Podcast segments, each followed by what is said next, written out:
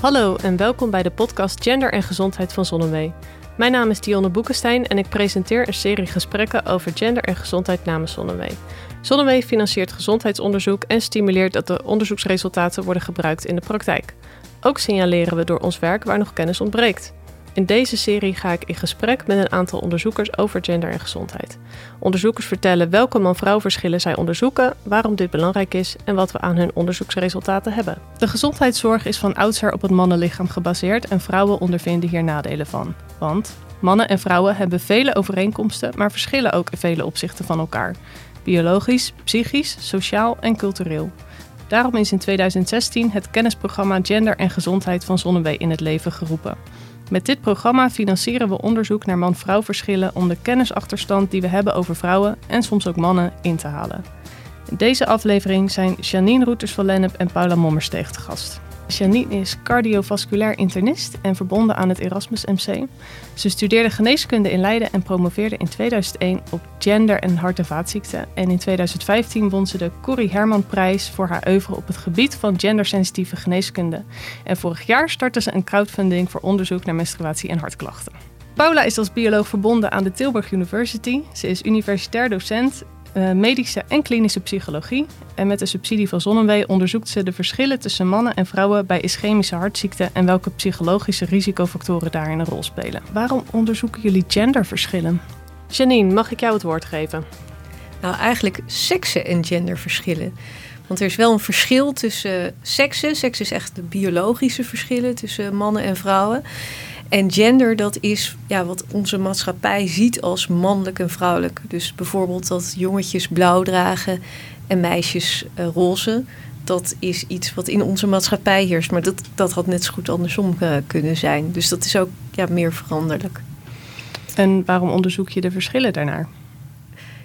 Nou, dat, dat gaat eigenlijk al heel ver terug uh, in mijn geval. Um, ik was als student stu geneeskunde. En um, toen kwam in, uh, in het belangrijkste medische tijdschrift, dat is de New England Journal of Medicine, kwam er een artikel uit en dat, uh, dat trok mijn aandacht. Dat ging over het Jentel-syndroom. En ik weet niet of je die film nog kent van uh, Jentel, van Barbara Streisand. Nou, dan moest ze zich voordoen als een man om serieus genomen te worden. En enorme musical, et cetera. Maar wat ze zagen was dat er hetzelfde speelde uh, bij vrouwen die, uh, die hartziekte hadden. Dat ze dus niet serieus werden genomen als ze vrouw waren. Maar als ze dezelfde klachten zouden hebben en een man waren geweest, dan hadden ze wel alle onderzoeken gehad die, uh, die nodig waren. Nu is mijn vader cardioloog, dus ik ging naar hem toe en ik zei: Goh. Doe jij dat ook? Nou, hij had een, dat was mijn vakantiebaantje, was dat, dat ik alle um, um, onderzoeken die op het gebied van kransslagaderen werden gedaan, katheterisaties worden die genoemd, dat ik die uh, bijhield. Dus we hadden heel veel gegevens van uh, meer dan 3000 mensen. En toen hebben we dat ook onderzocht of dat in Nederland het geval was. En wat we vonden was dat als je eenmaal doorverwezen was naar de cardioloog, dat dan dat verschil wel meeviel. Maar dat was wel het startpunt dat ik, uh, ja, dat ik overal vragen bij ging stellen.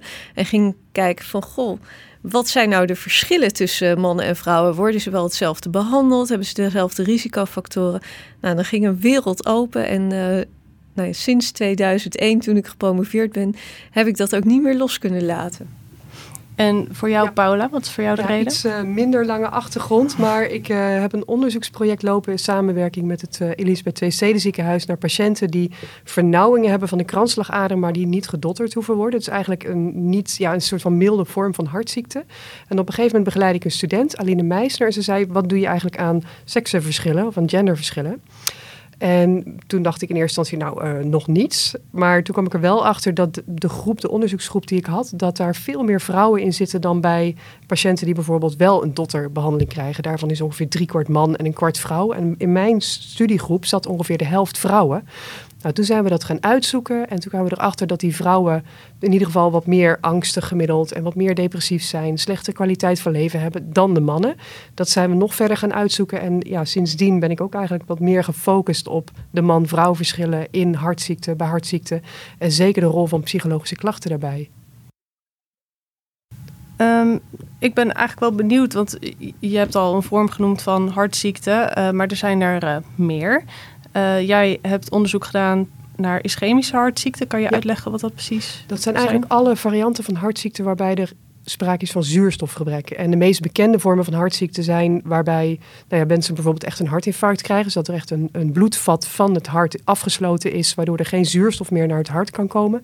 En het hart, nou ja, de, de, de hartspier uh, beschadigd raakt. Maar er zijn ook vormen waarbij er wat minder. Um, afsluiting is. Bijvoorbeeld kleine vernauwingen of, of vernauwingen in de kleine vaten. Of dat er zelfs uh, de hartvaten kunnen gaan verkrampen. Dus dat er eigenlijk geen vernauwingen zijn, zichtbaar zijn, maar wel dat de hartvaten zich anders kunnen gaan gedragen onder andere omstandigheden. En omdat er vroeger uitgegaan werd eigenlijk van obstructieve hartziekten, dus dat er echt een zichtbare vernauwing is, waarvoor je een dotterbehandeling of een bypass of, of risico op een hartinfarct loopt. En tegenwoordig zijn wat meer van, nou ja, er zijn meerdere varianten van hartziekten waarbij het niet altijd zichtbaar is, maar die wel kunnen leiden tot zuurstofgebrek op het moment van inspanning of soms zelfs rust of spanning of stress, dat soort omstandigheden. Um, Janine, jij hebt uh, die Corrie Herman prijs gewonnen. Waarom is een dergelijke prijs nodig? Ik, ik kende het nog niet. En ik kende ook de Vereniging van Nederlandse Vrouwelijke Artsen niet. Uh, kan je daar iets over vertellen? De Vereniging van Nederlandse Vrouwelijke Artsen is al een hele oude vereniging. En tegenwoordig is het zo dat um, nou, bijna 80% van de geneeskundestudenten zijn vrouw. Maar helemaal in het begin, we kennen het meeste kennen misschien Aletta Jacobs. Dat was de eerste vrouw in Nederland die geneeskunde had gestudeerd en die dokter was. Nou, sinds die tijd is het eerst heel langzaam gegaan dat vrouwen dokter waren. En uh, was het dus ook zo dat die vrouwen elkaar opzochten. En dat het ook best moeilijk was om als vrouw uh, serieus genomen te worden. Nou, inmiddels is dat gelukkig uh, anders. Um, maar dat is dus een hele oude vereniging van Nederlandse vrouwelijke artsen. En de Corrie Herman-prijs is genoemd naar mevrouw Corrie Herman, die nog steeds uh, zeer fit is, uh, en al ver in de tachtig. Ze was er ook bij toen ik de, de prijs kreeg. Ze heeft ook in de Tweede Kamer gezeten en zij is ook arts. Dus ze was een van de zeer uh, nou ja, actieve vrouwelijke artsen. Um, en die prijs die ik heb gekregen was vanwege ja, het werk om wat ik doe op seks- en genderspecifieke en sensitieve geneeskunde. Um, en dat is wel weer belangrijk, want um, daardoor kan je dus ook naar de buitenwereld laten zien dat het inderdaad uh, een belangrijk onderwerp is. En ook daarin uh, heb je soms echt wel steun nodig. Want er zijn nog steeds mensen die zeggen: Ach, wat maakt het toch eigenlijk uit? Een mens is een mens. En uh, de geneesmiddelen zijn toch hetzelfde voor mannen en vrouwen. Maar goed, als je daar dan toch verder in duikt, dan, dan pas zie je de verschillen. En hoe zit dat dan met die verschillende hartziekten? Want Paula, jij noemde net een aantal variaties. Um, waarom is het belangrijk om bij die variaties te kijken naar man-vrouw verschillen? Nou, een van de. Hè, je, hebben het nu over hartziekten. Uh, als we gaan kijken, is het eigenlijk hart- en vaatziekten. Want uh, in de hart kijk je naar de bloedvaten die naar het hart gaan. Ik ben uh, hart- en vaatinternist, dus ik ben ook geïnteresseerd in de andere bloedvaten. Dus dat wil ik toch even graag benoemen. Bijvoorbeeld de bloedvaten die naar de hersenen gaan en daar een beroerte kunnen geven. Of een TIA, dat is ook een, uh, ja, een hele nare hart, hart- en vaatziekte waarbij uh, veel uh, invaliditeit kan optreden, maar ook um, problemen in de beenvaten. Uh, dus dat zijn allemaal verschillende vormen van hart- en vaatziekten. En we weten ook dat uh, mannen en vrouwen op verschillende momenten in hun leven meer hart- en vaatziekten krijgen. Als je gaat kijken naar de hartziekten, dan is het zo dat vrouwen gemiddeld tien jaar later dan mannen hun hartziekte krijgen. Dus dat is wel een verschil als je iemand in de spreekkamer uh, ziet. Uh, en ook de vorm van hartziekte is, uh, kan anders zijn. Binnen het hart zelf, zoals Paula al zei, met die kleine vaatjes of die vernauwingen. Um, maar ook bijvoorbeeld dat vrouwen zich vaker presenteren met een beroerte, terwijl mannen zich vaker presenteren met een hartinfarct. Dus er zijn op die manier dus heel veel verschillen tussen de hart- en vaatziekten wanneer ze komen en hoe ze komen. Zie je dat in de praktijk ook terug? Die man-vrouw verschillen bij wat, er jou, bij wat er dagelijks op je spreekuur komt? Ja, zeker. En op wat voor manier zie je dat uh, ja, zie je dat terug? Nou, je ziet dus ook ehm, verschillen in risicofactoren bijvoorbeeld. Uh, we weten dat vrouwen die suikerziekte hebben, dat die nog extra veel risico hebben op hart- en vaatziekten. Nog meer dan mannen die uh, suikerziekte hebben. Uh, dus veel vrouwen die een hartziekte hebben, hebben al, nou ja, zijn A ouder en B hebben ook al meer andere ziektes, zoals bijvoorbeeld suikerziekte of hoge bloeddruk. Ja. Oké. En zie je ook um, een duidelijk een verband tussen, want jij bent dus meer de arts van niet alleen het hart, maar vooral van de andere vaten. Zie je ook een verband daartussen? Dus als hartziekten meer voorkomen, dat dan ook de slagaders naar het hoofd of in de benen, dat daar iets mee aan de hand is? Ja, de bloedvaten zijn allemaal met elkaar verbonden. Ja. Dus dat, um, daarom vind ik het ook zelf zo interessant om internist te zijn. Dat ik me niet alleen maar op het hart hoef te richten, zoals de cardioloog. Of alleen maar op het brein hoef te richten. Uh, de hersenen zoals een neuroloog of de benen zoals een vaatchirurg. Maar dat ik me te maken kan hebben van, goh, hoe komt dat nou dat um, er een probleem is in die bloedvaten? En ja. dat je dan ook verder kan kijken. Ja. En dan nog, nog een doorvraagvraag. Um, de, want we, we kijken meestal, we, men kijkt meestal naar de grotere vaten. Maar merk je dan ook iets van dat de kleinere vaten niet alleen in het hart, maar elders in het lichaam verstoord zijn? En, en hoe zou je dat meten? Of op wat voor manier ja, zou je dat merken? Dat is inderdaad een hele goede vraag. En dat is denk ik ook een van de uitdagingen voor de komende jaren het is bekend, we hebben goede methodes om die grote bloedvaten, om daar diagnostiek in te doen en om te kijken van of daar iets mee aan de hand is. Maar van die kleine bloedvaten, dat moet gedeeltelijk nog heel erg ontwikkeld worden. Uh, en ook uitgezocht worden wat de beste methode daarvoor is. Uh, wat ik trouwens wel heel interessant vind, is steeds meer is bekend over het verschil ook in klachten. Wat jij ook al noemde. Uh, dat ja, vrouwen toch vaker ook depressiviteit uh, hebben. Um, wat ik zelf ook in de spreekkamer tegenkom, ja. is dat aan de ene kant vrouwen dus vaker die, nou ja, klassiek vage klachten hebben, of aspecifieke klachten als ze een, uh, een hartinfarct hebben, wat dan ook niet goed wordt herkend door de vrouwen zelf aan de ene kant, maar ook niet door de, door de arts. Um, aan de andere kant is er nu zoveel uh, ja, media-aandacht geweest voor vage klachten bij, bij vrouwen, dat ik ook uh, af en toe nog wel eens mannen tegenkom die vage klachten hebben en niet specifiek pijn op de borst. En die het zelf niet herkenden. En dat ik bijna andersom zoiets heb van: Goh, als u nou een vrouw was geweest, had iedereen gezegd van: Oh, dat is space. Ja, dat is typisch voor vrouwen, die vage ja. klachten. Maar dat die man het dan weer niet werkt. En uh, daar ook door heel erg onzeker wordt. Dus daarom denk ik dat onderzoek wat jij doet, dat het niet alleen voor man-vrouw interessant is, maar ook om te kijken naar gender. Uh, dus binnen de mannen, welke mannen krijgen nou die vage klachten? En bij vrouwen van zijn er nou type vrouwen die wel echt die pijn op de borst krijgen en anderen die die vage klachten krijgen. Ja. Kan, je, kan je daar iets meer over vertellen? Um, ja, op dit moment doe ik een vervolgonderzoek, maar dat doen we eigenlijk alleen bij vrouwen. Uh, vrouwen met inderdaad die, die herhaaldelijk bij de cardioloog komen. Ik werk samen met de cardiologie. Um, en die klachten hebben die dus meerdere keren een hartkatheterisatie. Dat is een manier om te kijken naar de grote kransslagaders van het hart, hoe dat dichtgeslipt is. Waarbij ze dus eigenlijk zeggen van ja, we kunnen niks vinden helaas. Meerdere keren komen die terug. Die worden weer een keer opgenomen op de spoedeisende hulp met klachten van pijn op de borst. En daar zijn we nou aan het kijken van nou ligt het misschien aan de kleinere vaten. Dus dat, dat verhaal, dat thema, dat komt een paar keer terug. Ligt het aan de kleinere vaten? En daarvan vraag ik me af ja, maar kunnen we dan niet ook mannen meenemen? Het lijkt me ook belangrijk dat er ook mannen meegenomen worden. En ik weet dat ze in Nijmegen daar al beter naar kijken. In ieder geval ook de mannen erbij nemen. Maar de cardioloog met wie ik samenwerk zegt van ja, ik kom ze nog niet tegen. Dus dat is, maar dat nou. is misschien ook alweer een blik van de arts, weet je wel, dat je er Zeker. dan weer moet voor moet openstellen. Ja, dat, want je ziet het wel in je praktijk. Dus ik denk ja. van ja, ze zijn er wel. Dus inderdaad, op het moment dat je weer met een genderblik gaat kijken, oh, vrouwen hebben dit soort hartklachten. En dat je dan weer niet ervoor open staat dat mannen dat soort hartklachten ook kunnen krijgen. Ja, dan, dan is het ook weer geen goede, uh, ja, Nou, ik zeg wel eens gek, gekscherend als het over vrouwen en kleine vaatjes gaat. Ja. Ik, strakjes gaan we die mannen missen met Ja, kleine ja. bloedvaatziekten.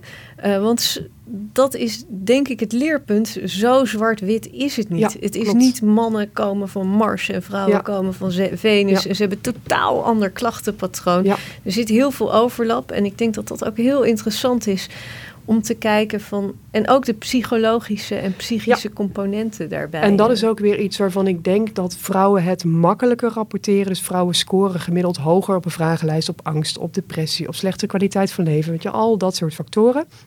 Maar ik denk dat het ook is dat mannen daar gewoon wat. Weet je, op het moment dat een vrouw een 10 scoort, dat een man dan zeg maar gemiddeld een 8 scoort. Dat mannen gewoon wat minder.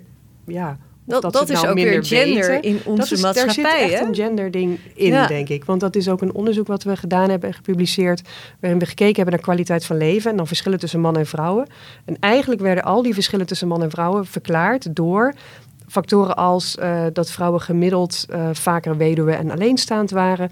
Gemiddeld minder vaak hoog opgeleid waren. Gemiddeld minder vaak, nou ja, weet je wel, van die factoren waarvan eigenlijk, weet je wel, vrouwen van die leeftijdscategorie die waren vroeger minder vaak hoger opgeleid Ja. dan mannen. Dus, en vrouwen, eh, ja, hun man is eerder overleden en zijn vaker alleenstaand. En dat zien we dan helemaal terug. Dus die man-vrouw verschillen die waren eigenlijk voor een groot deel waren dat Verklaarbaar door waarschijnlijk gender. biologische... Ja, Ja, en, door en ook biologisch eh, in de zin dat vrouwen gewoon ouder worden. Dus. Ja, ja Paula. want die gemiddelde groep is ouder. Ik hoor jou net zeggen over eh, het, het rapporteren van depressies en angst. Kan je uitleggen wat dat met hart- en vaatziekten te maken heeft? Ja, al, heel veel. Ehm, en daarbij bedoel ik niet per se, want je hebt natuurlijk een angst of een depressieve stoornis, waarbij je echt eh, nou ja, naar, naar een, psycholoog, een psychiater, ehm, opname, medicijnen, et cetera. Maar in de gewone populatie hebben mensen ook al bepaalde maten van somberheidsklachten. En dat komt best wel veel voor. Ik denk dat ook 1 op de 7, 1 op de 10 mensen ongeveer die scoort hoog op een vragenlijst over somberheid en angstklachten en, en eh, bepaalde persoonlijkheidstrekken, maar ander verhaal. Ehm, dat komt twee keer zo vaak voor ongeveer in groepen patiënten met hartziekte. Dus ongeveer 1 op de 5 mensen met hartziekte scoort hoog op angst en depressieve klachten. Ehm, dan zijn er ook heel duidelijke man-vrouw verschillen. Dus vrouwen hebben gemiddeld twee keer zo vaak meer last van die angstklachten, van die depressieve stemming, van kwaliteit van leven, van eh, bepaalde andere dingen. En dan was een vraag voor ons onderzoek, een uitgangspunt van, nou ja, we weten inmiddels uit onderzoek dat eh, als je hoog scoort op zo'n vragenlijst, of je hebt echt een klinische diagnose van een angst of een depressie, depressieve stoornis, dat mensen dan niet alleen een hogere kans hebben op het krijgen van hartziekte, maar ook op het verergen van hartziekte. Dus als mensen al hartziekte hebben en ze zijn daarnaast ook nog depressief-achtig, oorzaak-gevolg, daar hebben we het even niet over. Maar dan hebben ze een hoger risico om- om opnieuw een infarct te krijgen, opnieuw opgenomen te worden, opnieuw eh, gedotterd te moeten worden, zelfs tot aan eh, overlijden aan toe. Dus dat is, nou ja, dat is dan zeg maar het uitgangspunt. En daarvan dachten we van ja, als vrouwen dan gemiddeld angstiger en depressief zijn, hebben ze dan ook een hoger risico dan mannen op het krijgen van hartziekte en op het verergen van hartziekte. Dat is eigenlijk wat we in onze, ja, ons onderzoek de afgelopen jaar eh, met, met een eh, groep mensen onderzocht hebben. En wat kwam eruit? Nou, in eerste instantie bevestigden de resultaten eigenlijk eerdere studies en eerdere meta-analyses. Dus zowel mannen als vrouwen hebben op het moment dat ze hoog zitten op angst en depressiviteit en andere klachten, op psychosociale factoren eigenlijk, een hele bubs aan klachten hebben we bekeken. Hoger risico op zowel het krijgen als het verergen van hartziekte, dus dat bevestigde. Voor het ontwikkelen van hartziekte vonden we geen man-vrouw verschillen. Dus de risico's waren even groot voor mannen als voor vrouwen. Alleen voor het verergeren, dus als mensen al hartziekte hebben, dan vonden we juist het tegenovergestelde van wat we verwachten. Namelijk, we vonden dat mannen met angstige en depressieve klachten en psychosociale factoren een hoger risico hadden op het verergeren daarvan. In tegenstelling tot vrouwen. En dat was echt een aantal ja, procentpunten. Ja, in ieder geval, dat was echt wel een, een, een duidelijk verschil. Ja. Is het dan misschien ook dat, ja, dat is invullen hoor, maar dat, eh, dat, dat mannen dan ook slechter hun depressie, angsten, et cetera kunnen uiten of minder daarover praten en dat dat... Ja, hele goede vraag. Want daar hebben we op verschillende manieren. We hebben sowieso zijn natuurlijk de onderzoeken die gedaan worden die zijn best wel male-dominated. Weet je, daar zitten, dat zijn vooral groepen mensen die een infarct hebben gehad of een dotterbehandeling ondergaan. Nou ja, daarvan weten we al dat is ongeveer driekwart man of ja, 80 procent man. Dat is inderdaad ook het verschil in de uiting tussen hart- en vaatziekten. Dus de, de onderzoeken die we hebben kunnen bekijken, die zijn ja, male-dominated. En of dat daar dan het risico groter van wordt, weet ik niet. Maar we hebben in ieder geval een groep vrouwen niet te pakken. Dus de groep, weet je wel, de vrouwen waarop we de komende jaren wat meer onderzoek willen gaan doen, namelijk met die niet-obstructieve hartklachten en andere varianten van hartklachten. En kijken wat daar het risico van is. Dus dat is één ding. En een ander ding denk ik dat ik nu even. Wacht even, dan moet ik weer teruggaan naar je vraag. of mannen en vrouwen. Eh, of mannen ehm, ja, minder makkelijk hun depressie en angsten kunnen uiten. Ja, dat. Heb je dat idee? Dat dat, een rol zou kunnen spelen? Niet uit dat onderzoek. Maar dat idee heb ik wel, omdat ik dan verwacht dat die risico's ongeveer gelijk worden op het moment dat je voor vrouwen een soort van hogere waarde voor depressieve of angstige klachten gaat kiezen dan voor mannen. Dus dat mannen al bij een lager niveau zeg maar in een bepaalde risicogroep zitten en bij vrouwen pas bij een iets hoger niveau. En wat ik ook eerder aangaf, dat vrouwen gemiddeld rapporteren meer angst en depressie, maar hebben ze het meer, ervaren ze het meer. Ze gebruiken ook gemiddeld meer medicijnen. Maar is dat ook iets wat inderdaad een genderverschil is? Dus dat mannen nou eenmaal, vrouwen nou eenmaal makkelijker rapporteren of niet? Dat, ja, dat is nog niet zo goed bekend.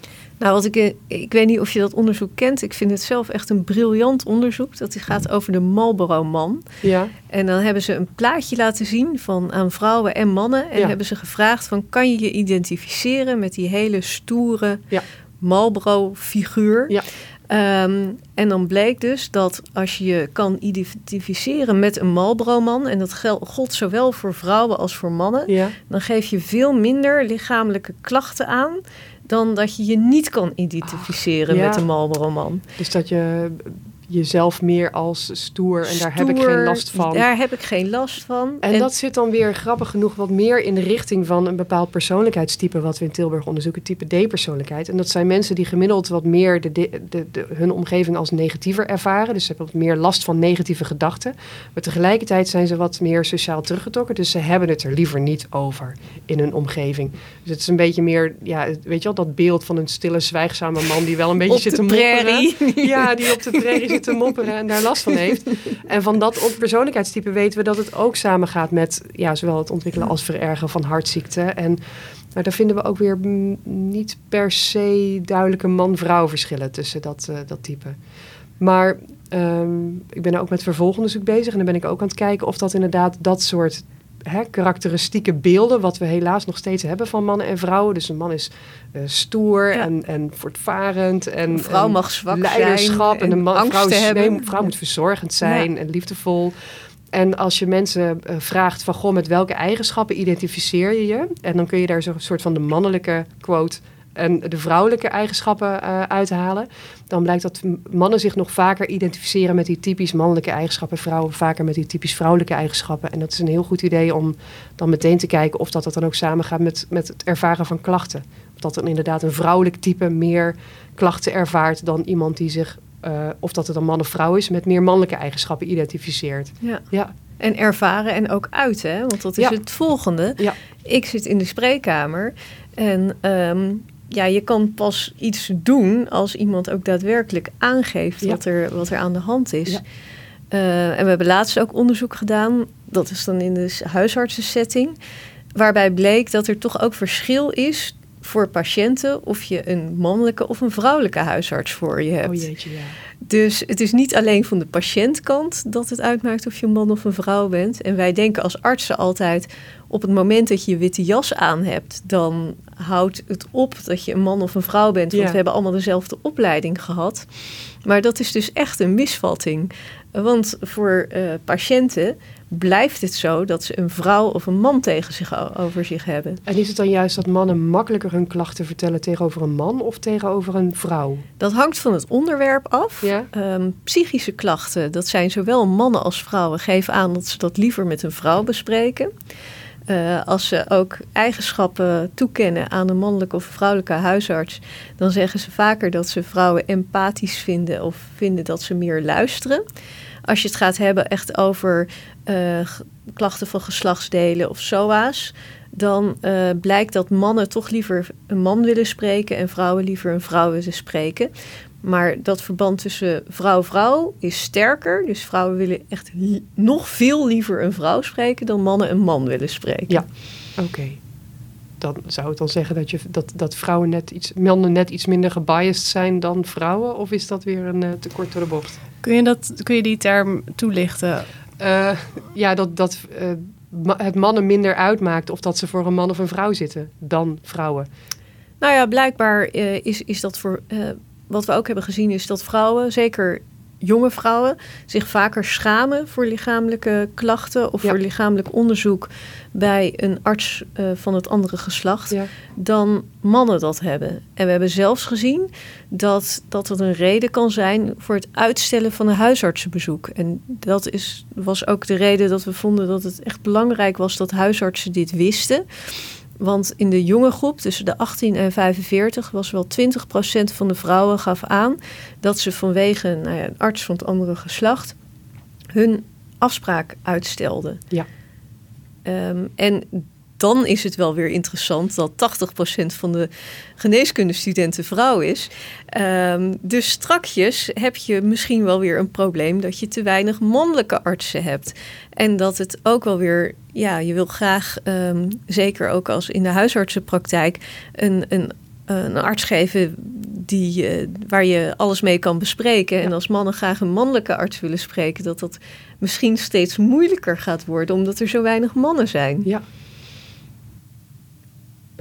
ja, mooi punt. Um, mag ik nog even terug naar um, de relatie tussen uh, psychische of psychologische klachten en hartklachten? Want uh, nou ja, er is dus een relatie, maar hoe zit dat dan? Waarom heeft ja. dat waarom heeft dat effect op elkaar? Ja, hele goede vraag. Um, daar zitten natuurlijk zowel uh, gedragsmatige als biologische mechanismen bij. En dat is ook iets waar we ons in onze onderzoeksgroep mee bezighouden. Dus je kan al heel snel denken op het moment dat iemand slechter in zijn vel zit. Dan gaat hij minder bewegen, dan gaat hij slechter eten, dan ga je slechter slapen, dan ga je meer roken, dan ga je, weet je wel, risicovoller gedrag vertonen. Slechtere leefstijl, zeg maar. Um, nou, dat zijn allemaal dingen waarvan we weten dat het met hart- en vaatziekten samenhangt. Dus op het moment dat je gaat kijken naar de relatie tussen bijvoorbeeld depressieve stemming en hartziekte, dan wil je bijna altijd ook rekening houden maar van met ja, die factoren, die leefstijlfactoren. En die verklaren altijd een groot gedeelte van de effecten weg. Maar niet helemaal. Nou, ik moet zeggen dat wat jij ja? zegt, dat dat heel erg ook in die spreekkamer terugkomt. Ja. Want als ik een patiënt voor mij heb, en wij doen dan heel globaal quality of life, um, kwaliteit van leven. En dan zien we dus ook van op het moment dat het slecht gaat met iemand, en dat, ja, dat kan met werk of met relatie, met iets wat totaal niet met de ziekte te maken heeft, uh, verband houden. Ja, dan wordt het ook steeds lastiger. Want dan begin je wel over dat stoppen met roken. Ja. Maar dan is het, nou, ik heb zoveel stress, dat gaat echt niet. En uh, ik ben zo bezorgd uh, vanwege een familielid, et cetera. Ja, het eten is er ook bij ingeschoten. En het bewegen is er ook bij ingeschoten. Ja. Dus ik, ik zie dat absoluut heel erg terug. Ja, en dat is natuurlijk uh, één mechanisme, maar dan zit er ook zeker een biologische kant aan. En bijvoorbeeld het, het krijgen van een infarct dat is eigenlijk ook een soort van, of het hele proces van uh, hart- en vaatziekteontwikkeling is ook een soort van, is een uh, proces waarbij ontstekingsdingen, je, je afweersysteem speelt daar een rol bij. Er komen ontstekingsmaten in je bloed. Die ontstekingsmaten die geven ook weer een signaal naar je hersenen toe van je moet het iets rustiger aandoen, want het gaat niet helemaal lekker. Dus je moet eigenlijk je wat meer sociaal terugtrekken. Je moet wat minder gaan doen. Dat, dat zet een hele mentale gedragsverandering, zet dat uh, op gang. Eigenlijk vergelijk het even met op het moment dat je ziek bent. Je hebt koorts, je voelt je niet lekker. Nou, wat ga je dan niet doen? Dan ga je niet meer de deur uit, dan ga je minder eten. Je, gaat, je, hebt geen zin meer. Weet je wel, je hebt, je hebt echt een soort van halve depressieve-achtige toestand... op het moment dat je ziek bent en koorts hebt. Nou, een vergelijkbaar idee, dat noemen ze sickness behavior... is eigenlijk ontstaan van... goh, maar zullen hebben mensen met chronische aandoeningen... hebben die misschien ook een soort van ontstekingsachtige toestand... waardoor hun hersenen dezelfde signalen krijgen als bij een acute griepsituatie. Um, die je gedrag aanzet tot je moet het wat rustiger aandoen. Dus bijvoorbeeld je moet wat minder ja, de deur uitgaan, wat minder bewegen, je, je, je, je, eetpatroon even wat aanpassen. Uh, en je voelt je gewoon minder oké. Dus, dus je gedrag, je, je, je gedachtenpatroon wordt daardoor ook aangepast. Je zit wat minder lekker in je vel. Je gedachten zijn automatisch wat negatiever, wat meer gericht op, op wantrouwen, op binnenblijven, op um, ja, niet je, om, omgeving gaan, gaan onderzoeken. En dat biologische idee, dus met die ontstekingsmaten onder andere, er zijn er ook nog andere stresssystemen die erbij betrokken zijn, dat is een beetje een biologisch verklaringsmodel voor waarom we denken dat met chronische aandoeningen uh, dat uh, ja, psychologische klachten daar meer bij voorkomen. Dus dat is... Maar dan zou een psychologische uh, aandoening of psychologische klachten zijn dan dus eerder een symptoom dan een ziekte op zich in een gevolg van een, bijkomende, uh, een bijkomend symptoom. Ja, is het helemaal een symptoom? Vind ik moeilijk. Nou, het is wel interessant in die zin als je wil kijken naar um, ja, interventies. Hè? Als je behandelingen moet je dan je behandeling richten op het onderliggende ziekteproces, die chronische ontsteking, et cetera. En dan gaat de psyche vanzelf mee. Hmm. Of zou je juist interventies moeten richten op dat uh, gericht om die depressie te behandelen. Ja. Um, en zou dat helpen? Dus... Oh, dat is echt een hele goede vraag. En dat is uh, natuurlijk omdat die dingen zo nauw met elkaar samenhangen, kun je op één aspect ingrijpen en dan kan dat ook meteen de andere aspecten verbeteren. Maar dat zal dan wel, ik zie dan zowel iets in uh, de psychologie aanpakken. Weet je wel, een, een, een, ja, psychologische behandeling of wat gesprekken of wat anders. Dat mensen ook beter begrijpen hoe die, drie dingen met, hoe die dingen met elkaar samenhangen. Dus het welbevinden in je hoofd, weet je, hoe je je voelt, of dat je lekker in je vel zit wat voor gedrag je vertoont. Dus of dat je daardoor slechter risicovoller gedrag gaat vertonen. En met je, hoe dat met je lichaam samenhangt. Dus op het moment dat je slechter gedrag gaat vertonen, dat je lichaam dan ook weer wat slechter is. Die drie hangen natuurlijk heel sterk met elkaar samen. En ik heb het idee dat, dat je op nou ja, één van de drie kun je, eh, nee, heeft, een, heeft een positief effect op de andere. Ja. ja, en dan lijkt het me ook weer heel interessant om daarover te filosoferen van... zou dat nou anders, zou je nou mannen en vrouwen anders moeten, moeten aanspreken? Of, oh ja, ja. Want eh, het is wel bekend dat uh, vrouwen anders te motiveren zijn. Die gaan anders om met hun gezondheid.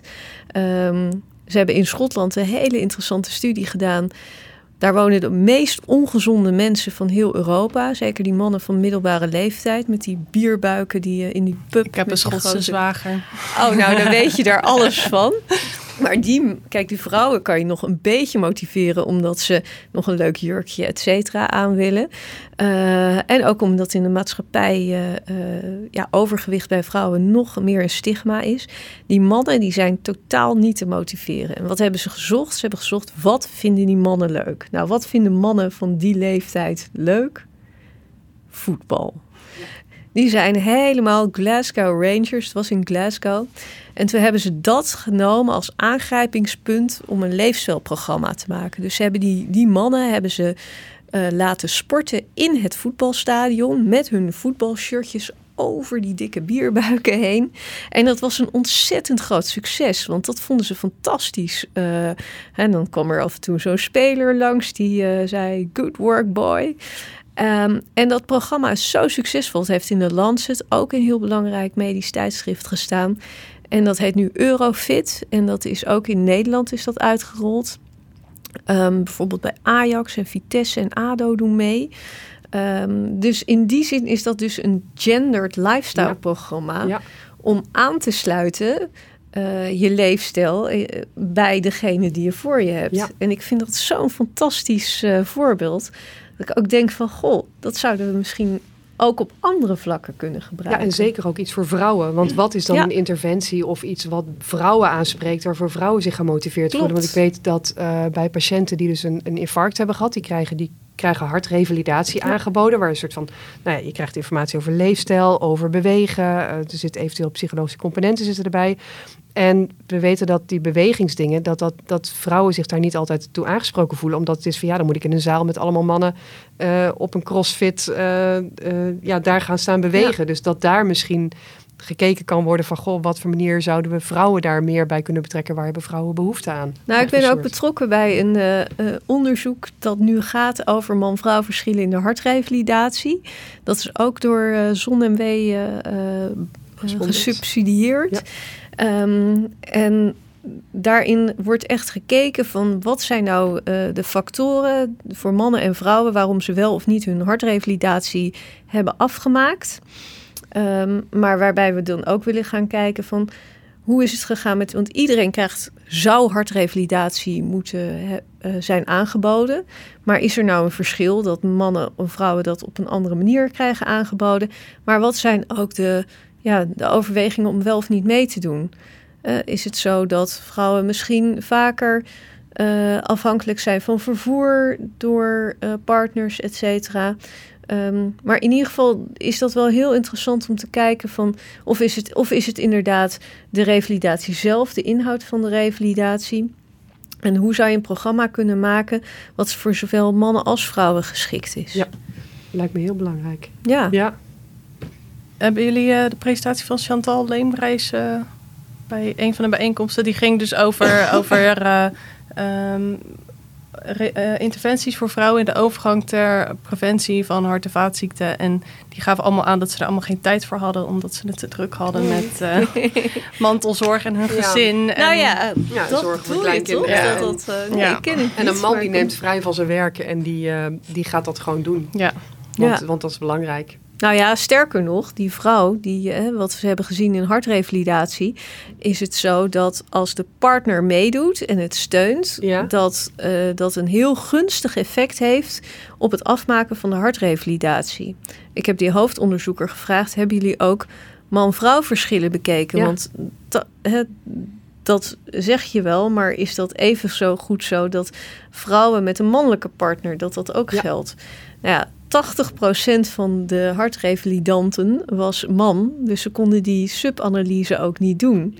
Ehm, maar ja, ik, ik vraag me af of. Ik ben niet heel negatief, maar ik vraag me af of eh, mannelijke partners evenveel een steun zijn als vrouwelijke partners voor, eh, ja, voor patiënten die een, hart, eh, ehm, eh, ja, hartinfarct hebben gehad. Ja, en dan kun je alleen al denken aan gewoon de, de zorg thuis en het brengen en halen. En eh, weet je wel, wie- past Koken, het eten aan? Ja, Ja. inderdaad. Absoluut. Ja. Dus dat is ook echt nog een hele wereld die open ligt. Eh, en zeker omdat er steeds meer mensen komen met hart- en vaatziekten, die dus ook weer revalidatie daarna nodig hebben, is dat ook echt een prangende vraag om, om uit te zoeken. En je wil niet hebben dat er een hele groep, en in dit geval ja, is het bekend dat, dat vrouwen dus missen in die hartrevalidatie, dat die geen gebruik daarvan gaan maken. Ja. En hoe zit het helemaal aan het begin? Want eh, nou ja, dat is als mensen al een hartinfarct hebben gehad. Maar wat zijn de eh, specifieke risicofactoren voor vrouwen en voor mannen? Want daar zit ook een verschil in. Nou, je hebt aan de ene kant heb je de klassieke risicofactoren die iedereen kent, zoals hoog cholesterol, hoge bloeddruk, roken, suikerziekte, overgewicht. Het zijn allemaal risicofactoren die zijn voor zowel man als vrouw een risicofactor. Dus geen één is het dat roken eh, niet schadelijk is voor mannen en wel voor vrouwen. Het is wel zo dat sommige risicofactoren wel meer impact hebben als risicofactor, dus zwaarder wegen. Uh, en dat is bijvoorbeeld zo voor roken. Uh, dus roken is voor iedereen slecht, maar is voor vrouwen nog slechter dan voor mannen. Um, ik zeg in de spreekkamer wel eens een heel mooi onderzoek gedaan. Die heeft het verschil in wanneer iemand een hartinfarct krijgt tussen rokende mannen en niet rokende mannen laten zien. En dat is zes jaar. Dus rokende mannen krijgen zes jaar eerder een hartinfarct. Maar dat is voor rokende vrouwen veertien jaar eerder. Precies hoe dat werkt weten we ook niet. Het heeft misschien te maken dat vrouwen ook kleiner zijn en daardoor uh, de concentratie uh, van de schadelijke stoffen die te maken hebben met roken groter is. Misschien is er ook een hormooninvloed. We weten andersom dat rokende vrouwen ook sneller in de overgang raken. En dat is ook dan heb je ook minder hormonen, is ook weer ongunstig. Nou, zoals ik in het begin al zei, uh, suikerziekte is uh, ook een zwaardere risicofactor voor vrouwen. Maar daarnaast heb je ook, uh, en dat is eigenlijk een nieuw inzicht, heb je risicofactoren die seksenspecifiek zijn. Dus dat zijn vrouwspecifieke risicofactoren, maar je hebt ook manspecifieke risicofactoren. Ja, zoals inderdaad migraine als in de voorgeschiedenis of uh, iets complicaties rondom de zwangerschap. Dus ja, vrouwen zo'n zwangerschapsdiabetes of zwangerschapshoge bloeddruk. Of ook ontstekingsziekten in de voorgeschiedenis. Dat zijn allemaal van die in ieder geval, dat zie ik nu bij onderzoek. Dat zag ik vorige week, was ik op een congres waarbij ze gingen kijken naar vrouwen die om wat voor reden dan ook eerder in de menopauze zijn geraakt. Dat sluit natuurlijk heel naadloos aan bij jouw onderzoek.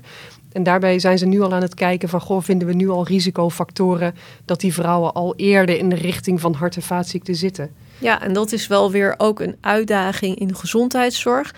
Want als je vrouwen heel goed vroeg gaat vinden, dus bijvoorbeeld in de zwangerschap, de vrouwen die zwangerschapshoge bloeddruk hebben of zwangerschaps um, suikerziekte of zelfs zwangerschaps, ja, dat wordt zwangerschaps. Um, Vergiftiging. genoemd, nog erger. Het klinkt heel heftig, maar dat is zwangerschapshoge bloeddruk met uh, orgaancomplicaties.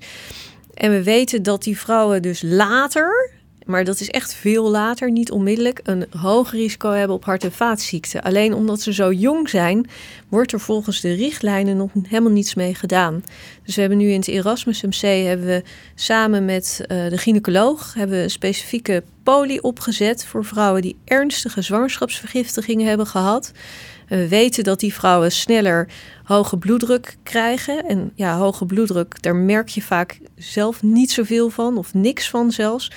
Maar die bloedvaten, en zeker dat hart, moet constant tegen die verhoogde weerstand inpompen. En dat kan op lange termijn wel weer um, ja, beschadiging geven aan de bloedvaten en ook zelfs uh, uh, hartinfarcten. En wat we nou doen, is dat we die vrouwen regelmatig terugzien. Um, en ook echt de bloeddruk meten, het cholesterol meten, et cetera.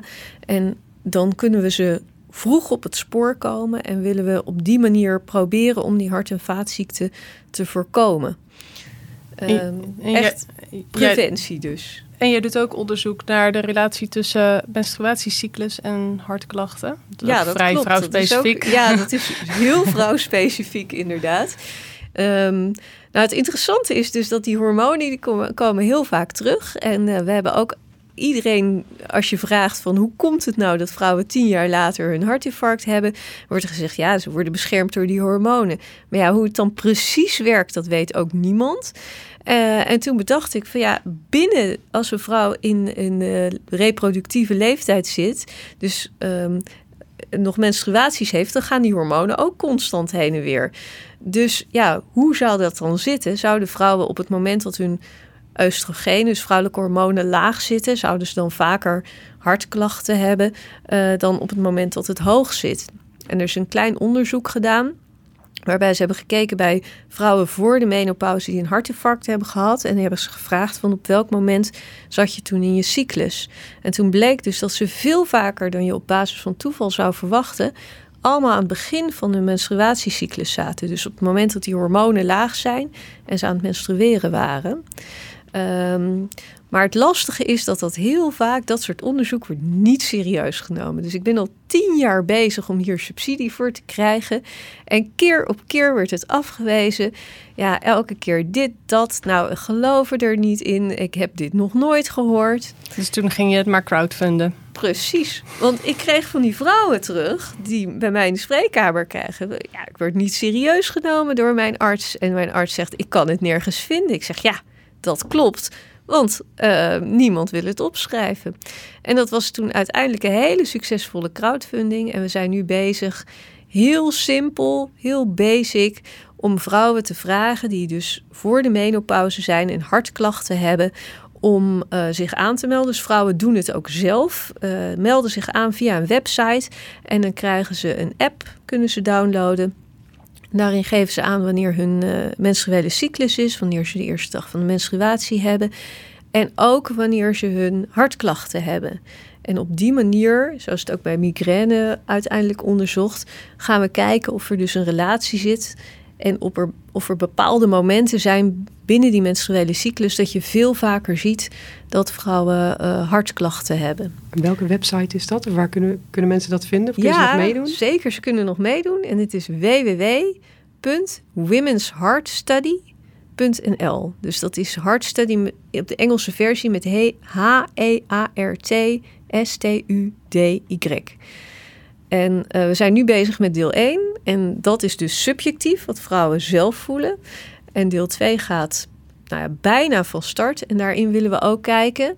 Op dit moment, als je diagnostiek doet, dus er wordt bloedonderzoek gedaan of er wordt uh, bijvoorbeeld een fietsproef gedaan, wordt er nooit rekening mee gehouden met de cyclus. Op welk moment je dat doet, wordt ook niet gevraagd. Maar dat is ook waar we naar willen kijken. Dus bijvoorbeeld cholesterolwaardes. Ja, wij, ik, ik, zie dat heel vaak in de spreekkamer. De ene keer is het wat hoger en de andere keer wat lager. En dan zeg je ja, een beetje variatie. Maar we willen nu dus ook echt gaan uitzoeken. Als je nou drie keer in de cyclus meet, uh, op verschillende momenten, kan je dan die variatie misschien verklaren? En is het zo dat die cyclus ook invloed heeft op die metingen? Ja, want dit gaat over geslachtshormonen. Dus vrouwen hebben gemiddeld een beetje meer oestrogenen en progesteron. En vooral oestrogenen zijn ja, op zoveel manieren. Ik heb daar met een boekhoofdstuk, weet je wel, me lekker kunnen inlezen erover.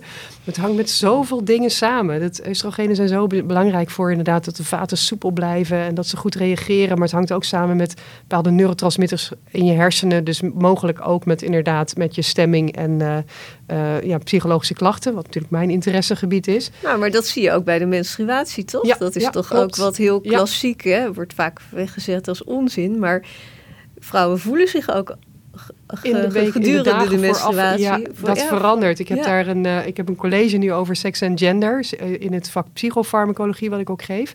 En daar bespreek ik die cyclussen ook ieder jaar opnieuw. En dan, dan begin je inderdaad met, uh, je voelt je de eerste week, nou, dan heb je menstruatie en dan heb je een tijdje dat de hormoonniveaus zich weer langzaam aan het opbouwen zijn tot aan de ovulatie. Dan voel je eigenlijk prima. En vanaf daarna begint het weer een beetje bergafwaarts te gaan met uh, nou ja, gevoel van hè, ehm, nou ja, stemmingswisselingen, wat mogelijk is. Dus eigenlijk voel je je gedurende uh, 28 dagen tijd, voel je ongeveer nou een derde tot de helft voel je je optimaal. En de andere helft is een beetje meh, zo ongeveer. En dat dan gedurende tussen je vijftiende en je 51ste ergens. Dus uh, ja. Ja, nee, maar dat, dat, ik denk dat dat een er wordt heel veel onderzoek gedaan naar natuurlijke ritmes, naar dag-nachtritme of zelfs naar seizoensritme, ook binnen hart- en vaatziekten. Maar die cyclus, dat is op de een of andere manier, heeft dat toch nog, uh, zit dat in de taboesfeer. Ja, het is niet zo sexy, hè? Dat, het is uh... niet zo sexy en mannen vinden het al helemaal een, ja. een, een, beetje, nou ja, uh, onderwerp waar ze niet zo heel veel mee kunnen. Terwijl als je gaat bekijken vanuit de kant van de vrouwen, wat ze allemaal aangeven, wat invloed heeft, hè, wat te maken heeft met hun menstruele cyclus. Ja, we hebben al migraine genoemd, maar ook astma of epilepsie is ook al epilepsieaanvallen en astma-aanvallen zijn ook al gerelateerd aan de, ja. aan de cyclus. Ja. Dus ik denk dat dat ook uh, in het seks- en genderonderzoek uh, dat, uh, dat dat gewoon uit die taboesfeer moet worden ja, gehaald. meer aandacht ervoor. En hetzelfde ja. geldt voor de overgang. Want de overgang is ook natuurlijk helemaal niet sexy. En daar nee, wordt, klopt. weet je wel, in die leeftijdscategorie... dan, dan heb je ook het gevoel van, ja, alles verandert... en, uh, en, en mijn lichaam doet het, weet je wel, doet, doet anders. En daar mag je het al bijna niet eens meer over hebben. Dus ik vond het ook vorige week heel leuk. Ik heb die resultaten van de... Uh, van mijn meta-analyse mogen presenteren op het Europese menopauze en andropauze congres in, in Berlijn. Dat was heel tof. En um, dus toen heb ik ook nog wat beter kunnen kijken van, nou ja, vinden we ook nog verschillen tussen bepaalde leeftijdsgroepen. En nou, we vonden geen significante verschillen in leeftijdsgroepen, maar wel dat het risico voor vrouwen als ze al hartziekte hadden en het verergen daarvan, die was het hoogste echt in die leeftijdsgroep 45 tot 55. Dus dat is echt de overgangsperiode. Dat is echt de overgangsperiode. Ja. Maar goed, we hebben daar niet superveel op kunnen inzoomen verder. Maar het is wel weer iets waarvan ik dacht van... oh, wacht even, dat is ook interessant en daar moeten we ook naar kijken. Dus, uh, nou, ja. misschien is het toch ook wel uh, voor de volledigheid wel interessant. We hebben het de hele tijd over vrouwen. Wel heel even over mannen gehad. Maar je hebt ook manspecifieke risicofactoren. Um, en dat is bijvoorbeeld impotentie. Hè? Erectiele dysfunctie wordt dat ja. ook wel genoemd. Um, bloedvaatjes zitten ook overal. Dus ook naar de penis toe heb je bloedvaatjes. En als die al op een jonge leeftijd zijn aangedaan, die zijn nou ja, nog kleiner, dus eerder aangedaan. Dus, en nou ja, zoals een uroloog zei, de penis is de antenne voor het hart. Ja. Uh, ik krijg dus ook vanuit de urologie krijg ik weer mannen met uh, vaatimpotentie doorgestuurd. Want die worden ook helemaal niet opgepikt. Uh, in de zin dat zij cardiovasculaire screening krijgen. Terwijl je zou zeggen van ja, dit is een uiting van hart- en vaatziekte heel vroeg. Maar ja, dan wordt dat met uh, blauwe pilletjes allemaal weer opgelost. Terwijl je niet naar het onderliggende probleem gaat kijken. Ja, terwijl de blauwe pilletjes ooit ontstaan zijn als een hart- en vaatmedicijn, toch? Om de bloedvaten wat meer open te zetten, zodat Precies. de doorbloeding verbetert. En dat had een, een bepaald bijeffect. Ja, klopt. En het uiteindelijk ontstaan de, Viagra in andere vorm wordt ook gebruikt binnen de hart- en vaatziekten als, uh, als medicijn.